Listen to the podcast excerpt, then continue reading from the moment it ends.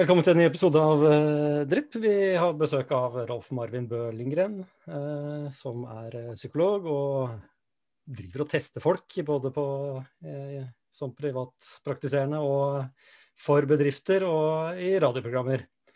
Og Forrige episode snakket vi kanskje mest om hva personlighetstester er, og hva de er gode på, ikke, hva de funker til og ikke funker til.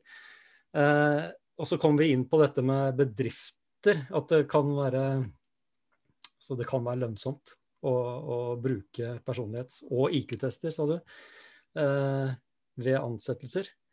Når, når er det, I hvilke situasjoner er det mest å hente for et selskap å, å benytte seg av eh, sånne tester? Der hvor det er eh, stor variasjon i inntjening mellom en gjennomsnittlig og en eksepsjonell utøver av faget. Mm type lederroller, e, eller også det du, du nevnte jo også kassa, kassaapparat. Kassadame, de heter ikke ja. egentlig det, det heter butikkmedarbeidere. Ja. Og de har fått et ufortjent uh, dårlig rykte, for det er, uh, det er, ikke hvem som helst som får lov å sitte i kassa i en, uh, i en butikk. Ja. Og det, det, gjør mye mer å sitte i kassa, faktisk. Mm. Ja, men det sier jo noe at altså, Man tenker kanskje at denne, si, denne store tiltaket det er da, å, å, å, gjøre en dyp testing av en potensiell eh, medarbeider, er noe du gjør eh, med toppledelsen. Eh, og det er viktig, viktigst der, men, men også da eh, butikkmedarbeidere. Er det lønnsomt eller nyttig å, å teste først? Da? Men det jeg lurer på, er, er, er to ting. Det ene er hvordan vet man hva man skal ha? Og, ja. og det andre er Vet man noe om dynamikken? Altså hvis du har ett hvis du skal ha noen inn i et team, kan du si noe på forhånd om hvilken type personlighet du vil ha inn i det teamet?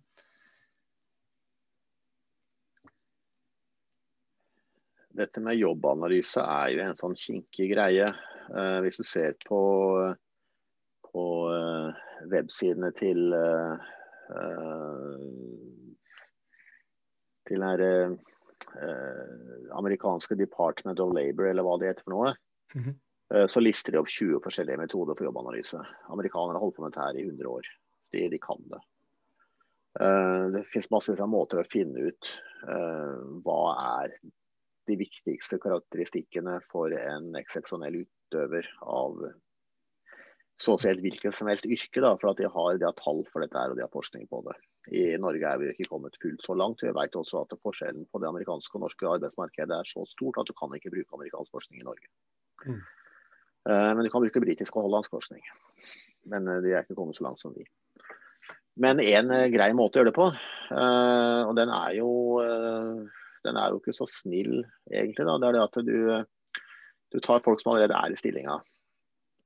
Så Hvis du f.eks. har eh, et konsulentfirma, da, som, så kan du da ta og rangere så mange konsulenter som du kan etter uh, hvem som er flinkest, hvem som er middels, hvem som er dårligst. Det er jo ikke alle som syns det er noe kult å gjøre, men det er jo det du gjør. Og så kjører du de testene du kan på dem, altså personlighet, IQ, uh, attitude, aptitude, attainment osv. Og, og Da kan du rett og slett så kjører du det inn i, inn i en regresjonsanalyse, og så får du ut hvilke karakteristikker som skiller de som er flinkest fra, fra resten. Og Bruker du faktoranalyse, så finner du sikkert clustere også. For det finnes det sikkert ikke bare én konsulentpersonlighet konsulent, uh, som er best, f.eks. Det finnes antakelig flere.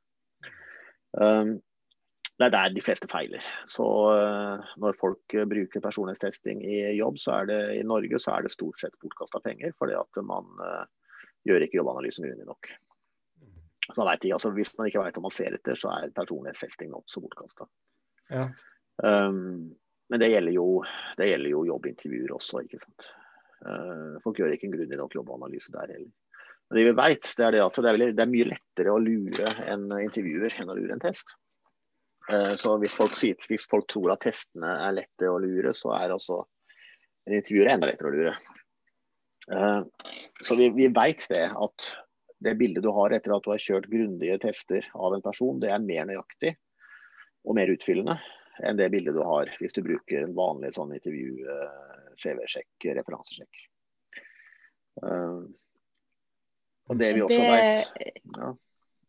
Jeg bare lurer på, fordi Det er jo mange rekrutteringsbyråer eller headhuntere som bruker det kjenner sikkert du til, for du har, så du har jobbet med oh, ja. det selv, eh, som bruker personlighetstest. Men er det rett og slett for egentlig den siste delen du sa der, for å bare sjekke om man har prøvd å lure dem i intervjuet? At man ikke har svart helt riktig på hvilken type person man er og sånn? Nei, du bruker jo tester. Altså, skal, hvis du først bruker tester riktig, så skal du jo uh, bruke dem for uh, Så er det en egen del av uh, vurderingsgrunnlaget. Men ja, men hvis det liksom ikke har noen verdi? At man ja, bruker det feil, eller? Jo, men headhunterne vet jo ikke det. Altså, De, de veit altså, de, de ikke hva de hadde fått ut av testene hvis de hadde brukt dem riktig. Så de, de, bruker dem som et intervjuverktøy, de bruker det som et supplement til magefølelsen, de bruker det til alt mulig rart. Men uh, så bruker de det for å gi prosessen deres forstina troverdighet. Ikke sant? Det, er, det, kommer ting ut av en datamaskin. Men uh, altså headhuntere de er jo vanligvis bare avanserte selgere. Mm. De har jo ofte ikke noe mer greie på personlighet enn den som helst ellers. For, for, å kunne gjennomføre en personlighetstest uh, på noen, så, så, må man ha full uh, utdannelse innenfor det, eller hva ja? Jeg mener det. Ja. Jeg mener sånn eh, en, en profil- og personlighetsanalyse som ikke er gjort av en person som har tung kompetanse på, på området, er egentlig ikke verdt det. Og det jeg, har, jeg, har, syntes at dette har vært uh, en drøy påstand, men så ser jeg liksom Når jeg ser uh, hva som gjøres av analyser i helsevesenet, når de bruker tester der, altså det psykiatriske, psykologiske helsevesenet, tenker jeg det at uh, uh, de er jo ikke noe flinkere enn headhuntere. De, mange av de som gjør det, altså de som ikke har tung kompetanse på, på området. Mm. Det, det, krever mer enn folk tror, det å kunne få noe vettet ut av en personlighetsanalyse. Vi var jo litt innom det før vi begynte å ta opp, men altså, i intervjusetting så har man kanskje tendens til å ansette folk som ligner på seg selv. Da. Det kunne jo vært en, eh, en fattigmannsversjon å sette de flinkeste til å, til å, intervjue. Men da er det jo, som du var inne på, så er jo kanskje det fallgruben at man kan bli, kan bli lurt da, av eh, kandidaten. Ja, men uh, det som best predikerer leveringsdyktighet i alt flest styrker, det er IQ. Og mens folk er flinke til å kjenne igjen personlighet, så er folk ikke flinke til å kjenne igjen IQ. Mm. Uh, det fikk jeg demonstrert ganske kraftig da jeg gjorde en analyse. Det var da sånn 42 uh, konsulenter som drev med karriererådgivning. Altså folk som liksom har greie på mennesker, hadde kjent hverandre i et år. Og eh, de er personlighetstesta og IQ-testa alle sammen. Og så fikk jeg dem til å vurdere hverandre på forskjellige mål. Og korrelasjonen mellom eh, vurdert læringsevne og IQ, jeg husker jeg fortsatt, 0,06. Oi. Ja. Så de hadde, altså de hadde, dette var smarte folk. Og de hadde jobba sammen i et år, og ingen, ingen av dem hadde en fjerneste anelse om hvor flink hverandre var til å lære. Shit. Uh, så gjorde jeg det skumle. Jeg fjerna de 20 som skårte lavest på IQ fra vurderingsgrunnlaget, og da gikk korrelasjonen opp til 0,2. så det bekrefta ting jeg vet fra før. Altså, de med høyest IQ har best sosialt heft.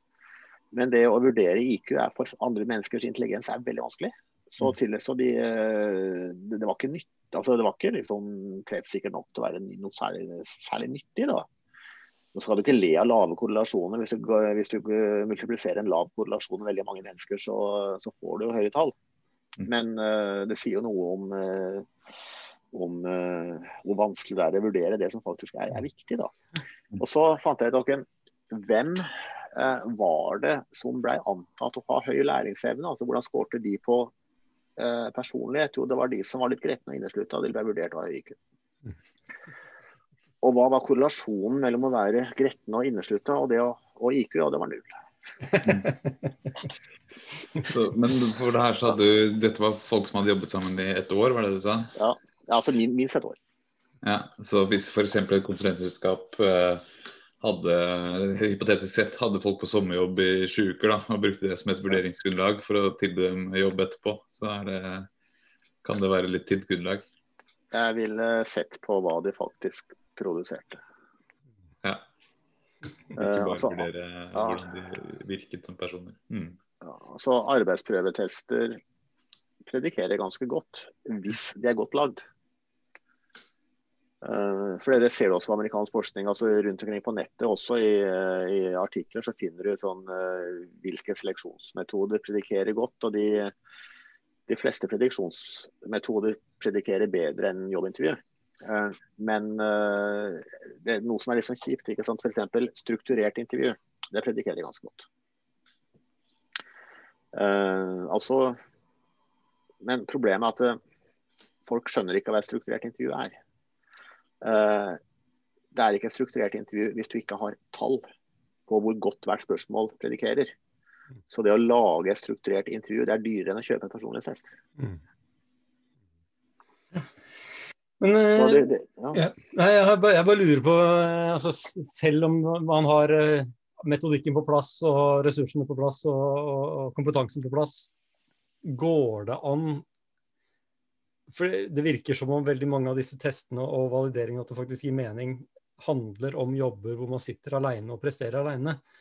Mens uh, særlig vår uh, hverdag, og sikkert også flere andre, andre steder, så, så, jobber man ikke i samme grad alene lenger, men man sitter med, i et team eller uh, med en liten gruppe. det det syns jeg er skikkelig, det er skikkelig kult. Ja. fordi at altså en av, en av dette er jo noe av det som gir meg jobb. ikke sant? Fordi at uh, med en gang man uh, tvinger folk til å jobbe sammen, mm. så utløser man sosial dynamikk som kan skape ganske stor slitasje og store gnisninger. Og de færreste ledere har tung kompetanse hvordan man håndterer det, så da må dere ringe sånn som meg. ikke sant? Så Sånn sett er jeg veldig glad i den mm, fokuseringa på teamarbeid, for at det skaper problemer som ledere normalt ikke kan løse. Um, men, man, men da, da, burde man jo også fokusere på å gjøre det, gjøre det riktig. ikke sant? Og mm. vi veit jo en god del om hva slags sammensetninger av personer som, som kan gi gnisninger. Og det er, fast, det er, så fantastisk å høre mennesker som jobber i personal, si at det, er ikke noe vits i å personlighetsteste folk før de går inn i et team, for man har ikke noe valg med hvem man kan sette inn i teamet. For det at man tar bare de som er ledige. Mm. Uh, så disse menneskene, altså våre kjære sånn personalkonsulenter eller personaladministrasjonsmennesker, de, de, de, skjønner altså ikke at uh, det kan ha en verdi å vite hva som kan komme til å skje, sånn at man kan forebygge det. Mm. men det går an, men mener du også at, uh, å vite hvem som passer sammen i et, i et team? Hva, hva, hva det er forskning på det, men den, eh, den, ja, altså den, den forskninga som jeg kjenner til, er jo da det er britisk og nederlandsk. Mm. Det foregår lite av sånt i Norge, som jeg veit om. Og hvis jeg tar feil, så vil jeg veldig gjerne vite det. Mm. Um, jeg veit at det er, det er, noen som har gjort lite, av er klar over det. Men altså, det som finnes i volum, det er det utenlandske. Så vi, vi veit litt om sånn hva slags mennesker bør man ha ett og bare ett av i et team. Hva skjer hvis man blander de og de menneskene. Men jeg gjør jo det. altså jeg, Når jeg går inn i et uh, team hvor jeg har analysert uh, medlemmene, og jeg, jeg, liker å provosere, ikke sant? for jeg, jeg, vil gjerne vite det hvis jeg tar feil. Mm. Så jeg prøver å sette ting på spisen sånn at uh, hvis jeg tar feil, så kjenner ikke folk seg igjen. Mm. Så når jeg går inn i teamet og sier at det jeg tror om dette teamet, er at dere er veldig flinke til å snakke om uh, hvordan ting bør gjøres, og så blir det ikke gjort. Og hvis jeg da ler godt og grundig, da skjønner jeg at det er ikke bare confirmation bias, liksom.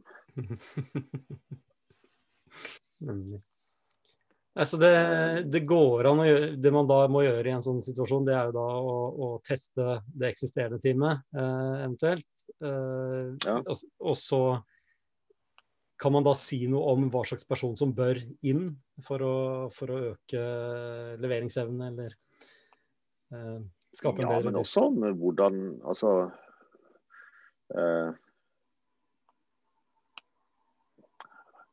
Man kan jo gjøre en jobb for å bevisstgjøre folk. ikke sant? Mm. For med en gang man får satt ord på ting, så blir det lettere å gjøre noe med det. Mm. Det er ikke alltid du trenger å gjøre særlig mye med, med teamet. Uh, men det finnes en del sånn metoder som psykologer kan da, for å rett og slett få folk til å lettere jobbe sammen med, med de tingene som er. Men man kan liksom også da, fortelle hva, hva bør man supplere med. Uh, hvor bør man hente assistanse når det eventuelt er nødvendig? Mm. Uh, hvilke oppgaver kan med fordel delegeres til andre team osv. Mm. Jeg har, jeg har, et siste spørsmål. Jeg vet ikke om flere eh, brenner inne med noe. Hvis ikke så kom, fyrer jeg av gårde med en gang. og det er, Hvis du skulle satt sammen et team, la oss si team på fire personer, da. Verste teamet ja. Verste det verste teamet? Ja, hva fire, fire, fire, programmerere. hva slags personlighet har en typisk programmerer? Nei uh, uh, OK, jeg kan fortelle. Altså, jeg har studert dette her. Mm. Team, uh, team i, altså personlighet i programmerere-team. Det er litt morsomt. for at jeg, jeg gjorde et litteratursøk og fant ut at det var det var Du kunne dele forskning på programmerere i team i to. Det var forskning som var gjort av teknologer. Uh, og de hadde studert det jeg var interessert i, altså produktivitet. Mm. Men de hadde brukt veldig sære tester. Så det var ikke alltid så lett å oversette det til noe jeg kunne skjønne. Og så var det som var gjort av psykologer. Og de hadde brukt de riktige testene og riktige metodene, men de hadde studert hva som skulle til for å få programmererne til å bli glad i hverandre, ikke for å, hva som skulle til for å gjøre dem mer effektive. Det, det bare det. Eh, etablerte jo noen, eh, noen, fordommer. Programmerere er ofte de, de, er ofte de flinkeste i klassen. ikke sant? Så de, de, er ikke noe glad i å innrømme at de tar feil, for de gjør det sjelden. Um, og de har en tilbøyelighet, men, det, men det, den er allmennmenneskelig. Altså at Hvis du har fire programmerere i et team, så vil alltid hver enkelt programmerer mene at det er den personen som har bidratt mest, og de andre har hatt en støttefunksjon. Uh, og Noe av problemet med det er at det går ikke an å, du kan ikke, det er ikke så lett å visualisere hva hverandre har gjort. Ikke sant? Du vet hvor mye du har skrevet, men du vet egentlig ikke de, hvor mye de andre har gjort. fordi at uh, du kan liksom ikke, Det, er ikke en haug med ting som sånn, det er ikke hogd så mange trær, ikke sant. um, men uh, for å si det litt mer seriøst, så vil jeg si det at det kommer litt an på hva som skal gjøres. Men også, hvis jeg skal få jobb, da, Uh, fire veldig analytiske mennesker. Mm. Uh, for de vil slå i hjel hverandres ideer, og så vil de bli sure på hverandre. Mm. Og så kommer ikke jeg flekken? Ja. Uh, det, det, det, tenker jeg meg da. Men altså, jeg kan, kan forestille meg andre men altså, Det er så mange måter å være verst på, vet du. Ja. Så, ikke sant. Hvis du har én diplomat, en pådriver, eh, en eh, analytiker og en ressursinnhenter, så vil du få et team hvor folk snakker sammen og gjør veldig mye, men hvor ingenting blir levert. Mm. Så høy, høy, aktivitet, men ikke noe output? Ja, ikke sant. Mm. Uh, har du fire praktisk anlagte, ryddige, samvittighetsfulle mennesker, så vil de for så vidt produsere, men de vil da produsere det de, alt, det de alltid har gjort. Så vi ikke få noen nyvinning. Mm. Men altså, det er ikke alltid du skal ha det. Uh, hvis du skal legge asfalt f.eks., så er det som fire sånne er helt greit. Mm. Kjenner du deg igjen, eh, Pia? Er det sånn det er å være i timene? uh, ja, altså det er jo noe i det her som vi ofte snakker om, tenker jeg. Som, som Vi er ikke psykologer, så vi kan liksom ikke stille og si at vi har forska på det og at dette er det beste. da, men, men det er jo noe med de her tverrfunksjonelle teamene, da eh, at du må ha hvert fall folk som ivaretar ulike perspektiv. Og at noen faktisk er dem som setter seg ned og gjør jobben, mens noen er dem som på en måte kanskje av og til er å ruske, litt borti det og stille spørsmål om ja, men er det her egentlig det riktige å gjøre, eller skal vi tenke litt annerledes, eller mm. Ja, det, mm. det er noe der. For Det er veldig ofte snakk om hvilke kompetanser du trenger i et team, eh, men kanskje ikke nødvendigvis hvilke eh, personlighetstyper eller den, den, andre rollen, da, de andre rollene eh, utover den rene kompetansen. Jeg er enig med Pia at man trenger jo supplerende folk. Og så er det jo er det ikke alltid man kan velge akkurat hva slags personlighetstype man får inn eller har et team, men, men som Rolf Marin var inne på, det hjelper mye bare å snakke sammen om hvordan funker jeg, hva er det jeg liker, og hvordan funker du, hva er det du liker, og hvordan kan vi ja, Om vi ikke blir et uh, radarpar, så hvordan kan vi i hvert fall skjønne litt mer hvordan vi kan gjøre hverandre gode. da, Prøve å gjøre det mer. Det... Men Hvis jeg har profilen til uh, de fire medlemmene av teamet, så kan jeg antagelig gi en del informasjon om uh, hva er styrkene, hva er svakhetene, hvem burde ha hvilke oppgaver og hvem kan ta den eller den rollen i et nødsfall. Mm. Så presist er det. Man kan Ja, sånn du kan gi en sånn analyse. Hmm. Og spør du meg, så er ikke det veldig presist, men det er uh, Jeg skulle ønske at jeg kunne være mye mer finkorna enn det. Men uh, såpass burde man kunne få til. Kult. Jeg har et litt sånn eh, Får jeg lov igjen, Sondre? Altså, ja, ja, bonusspørsmål. Ja. Fordi om vi drar litt ut i tid. Men eh, det er en litt sånn motsetning, eh, opplever jeg. At man ofte i, i hvert fall sånn produktteam, eller de som sitter og jobber med en eller annen digital løsning, kanskje er opptatt av at man må ha stabile team over tid. For at man liksom skal bli effektiv og klare å jobbe godt sammen og, og alt sånt. Eh, og at det, det, da ikke på en måte skal være så mye utskiftning i teamet. Eh, og så er jeg ofte litt uenig i det. Eh, og det er spesielt knytta til at hvis det teamet går gjennom ulike faser altså uh, det har vært en sånn greie med ok, når vi jobber med Lean Startup, så skal man ha et lite team som gjør alt fra start til slutt. Man skal liksom gjøre innsiktsarbeid, man skal kaste opp en masse ideer, man skal drodle og finne ut hva er riktig løsning. Og så skal man faktisk også lage den og få den ut i markedet og sitte og forvalte den etterpå. Og, og min hypotese er liksom at det er litt ulike folk man, eller personligheter og evner man trenger i de ulike fasene. Mm. Eh, så det er greit at på et eller annet tidspunkt så må du kanskje ha en viss stabilitet, men ja, for meg det, det, det høres litt sånn jeg, jeg bare mm. min erfaring er at det er ikke alltid de samme personene som syns det som trives i et miljø hvor alt er usikkert. Altså, Stabilitet høres veldig, veldig, greit ut i et operativt produksjonsmiljø som bare skal implementere eller utføre ting som andre har funnet opp. Mm. Mm. Da, men er det pga. at den type jobb trenger du den type mennesker til? Eh, ja, men, jeg vet, men altså, det jeg ikke vet, er om uh, det finnes mange team som har nytte av å jobbe sånn. Mm, mm. Altså, jeg har liksom en jeg har, sånn, jeg har liksom litt inntrykk av at ting forandrer seg fort i våre dager. Sånn at uh, et team som gjør det samme i flere år altså, Når er det nødvendig? Mm. Det er sikkert nødvendig i noen sammenhenger, altså, men jeg, gud, altså, jeg, jeg, vil jo tro at det kanskje ikke er så vanlig at det er team som trenger å jobbe sånn. Altså, du har mennesker som syns det er artig, som får mening av rett og slett å komme på jobb, gjøre noe uh, og, og, gå igjen. Og som trives med at det ikke er altfor mye forandringer. Mm. Så hvis du har et eller annet produkt som liksom bare skal vedlikeholdes uh, over tid, så antar jeg at uh, altså det finnes mennesker som syns sånt er artig. Mm. For det er en ting som eh, det er kjekt å lære seg, altså en ting som man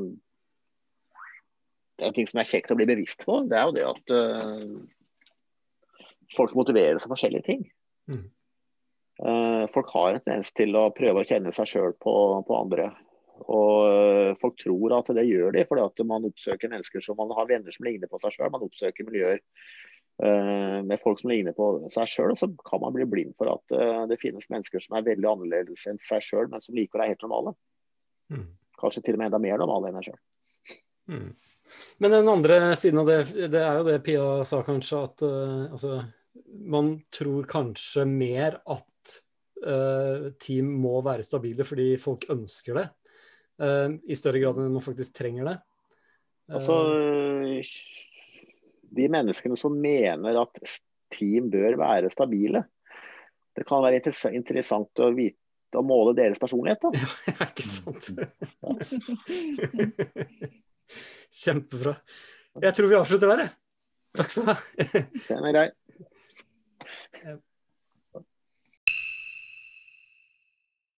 Drypp er en lavterskelpodkast fra Beck, hvor vi diskuterer diverse temaer som interesserer oss.